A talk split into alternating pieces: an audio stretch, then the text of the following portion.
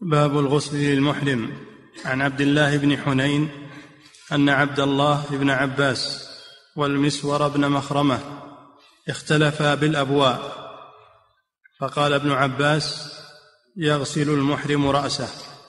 وقال المسور لا يغسل رأسه. قال فأرسلني ابن عباس إلى أبي أيوب الأنصاري رضي الله عنه فوجدته يغتسل بين القرنين وهو يستتر بثوب فسلمت عليه. فقال من هذا؟ فقلت أنا عبد الله بن حنين.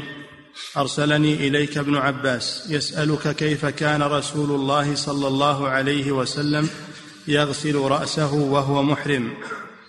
فوضع أبو أيوب يده على الثوب فطأطأه حتى بدأ لي راسه ثم قال لإنسان يصب عليه الماء اصبب فصب على رأسه ثم حرك رأسه بيديه فأقبل بهما وأدبر ثم قال هكذا رأيته صلى الله عليه وسلم يفعل وفي رواية فقال المسور لابن عباس لا أماريك بعدها أبدا نعم.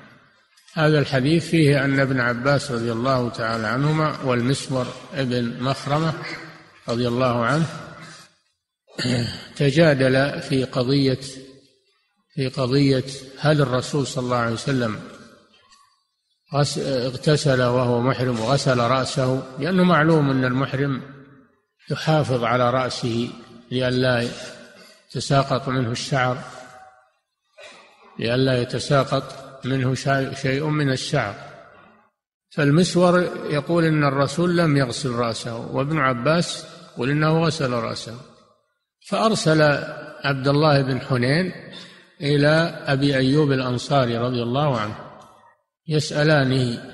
فهذا فيه هذا فيه ان فيه الاجتهاد فيه مشروعية الاجتهاد في المسائل الفقهية والاختلاف فيها وأن الاختلاف فيها لا لا يذم ولا يضر. ليس هو من الاختلاف المذموم بل هو من الاختلاف بل هو من الاختلاف المشروع. لأن كل واحد يجب عليه أنه يبحث ولا يقلد. ما دام أنه يستطيع ما دام يستطيع البحث يبحث عن وليتوصل إلى الحكم الشرعي بنفسه. أما إذا كان لا يستطيع فإنه يسأل أهل العلم. ففيه وقوع الاختلاف بين الصحابة في مسائل الفقه وأن هذا لا يضر أن هذا لا يضر بل هو مطلوب. مطلوب من البحث والتقصي والتوصل إلى الأحكام الشرعية. ثانيا فيه أن المختلفين في مسألة يجب عليهم الرجوع إلى السنة. يجب عليهم الرجوع إلى السنة. فإن ابن عباس والمسور رضي الله عنهما رجعوا إلى سنة الرسول صلى الله عليه وسلم التي يعرفها أبو أيوب الأنصاري رضي الله عنه. ففيه الرجوع إلى السنة. وهذا كما في قوله تعالى فإن تنازعتم في شيء وردوه إلى الله والرسول. ما يجوز أن نقول كل واحد يبقى على رأيه. رأي والرأي الآخر كما يقولون الآن. ما يجوز هذا. يجب أن نرجع إلى الكتاب والسنة. فما دل عليه الدليل أخذنا به. وما خالف الدليل تركناه. ما هنا رأي رأي آخر. الدين واحد. والمرجع إلى الكتاب والسنة. هذا هو الواجب. فإن تنازعتم في شيء فردوه إلى الله والرسول. كنتم تؤمنون بالله. ولا يجوز البقاء على الاختلاف من غير معرفة للصحيح من غير الصحيح. والمرجع ما هو بلا أقوال العلماء. المرجع إلى السنة. هي المرجع. وهي الفصل في النزاع. ما هو كل واحد يرضى برأيه ويقول وسعوا على الناس لا تضيقون عليهم. خلوا كل ياخذ برأي هذا لا يجوز أبدا. هذا يؤدي إلى الضياع. ونحن لم نتعبد بأقوال العلماء واجتهاداتهم إنما تعبدنا باتباع الدليل. وفيه وفي هذا الحديث سؤال أهل العلم عند الإشكال. فإن ابن عباس وابن مخرمة رضي الله عنهما سأل من هو أعلم منهما. وهو أبو أيوب الأنصاري رضي الله عنه. فيه الرجوع إلى أهل العلم الذين يعرفون السنة الذين يعرفون السنة. فالرجوع إلى السنة بواسطة أهل العلم. ما هو بكل واحد يرجع إلى السنة. ما هو بكل واحد يرجع إلى السنة العوام والمتعالمين والجهال. إنما يرجع إلى السنة بواسطة أهل العلم. الذين يعرفونها فعبد الله بن عباس والمسور سأل من هو أعلم منهما وهو أبو أيوب الأنصاري رضي الله عنه. أبو أيوب وجد يعني والاختلاف وقع في الأبوى والأبوى موضع اسم موضع بين مكة والمدينة قريب إلى قريب من مكة قريب من مكة.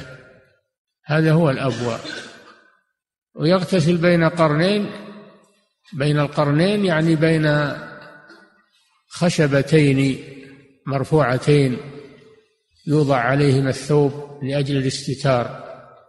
ففيه, ففيه أن المغتسل يستتر عن الناس ولا يغتسل أمام الناس إنما يغتسل من وراء ساتر يستره. وفيه ما ساق المؤلف الحديث من أجله أن أن المحرم يغتسل إذا احتاج إلى الاغتسال ويغسل رأسه وإذا سقط شعر من غير قصد لا يضر لكنه لا يتعمد هو إسقاط الشعر. أما لو سقط من غير قصد فإنه لا حرج في ذلك.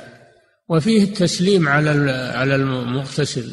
وعلى المتوضي أنه يسلم على الذي يتطهر أو يغتسل وإنما الممنوع أنه يسلم على من يقضي حاجته على من يتبول أو يتغوط لا يجوز السلام حتى يفرغ أما الذي يغتسل فلا مانع أنه يسلم يسلم عليه. وفيه التعليم بالفعل فإن ابن المسوى فإن أبا أيوب رضي الله عنه علم علم هذا الحكم وهو غسل رأس المحرم علمه بالفعل فأظهر رأسه رضي الله عنه وجعل وأمر من يصب عليه الماء وهو يفركه يفرك رأسه ليتبلغ بالماء أقبل بيديه على رأسه وأدبر ثم ردهما من أجل أن يتبلغ بالماء. ففيه التعليم بالفعل لأن التعليم بالفعل أبلغ من التعليم بالقول. وفي قول المسور لا أماريك بعدها دليل على الاعتراف بفضل العالم. فيه دليل على الاعتراف بفضل العالم. والتنازل عن الرأي إذا تبين الحق فإن المسور تنازل عن رأيه.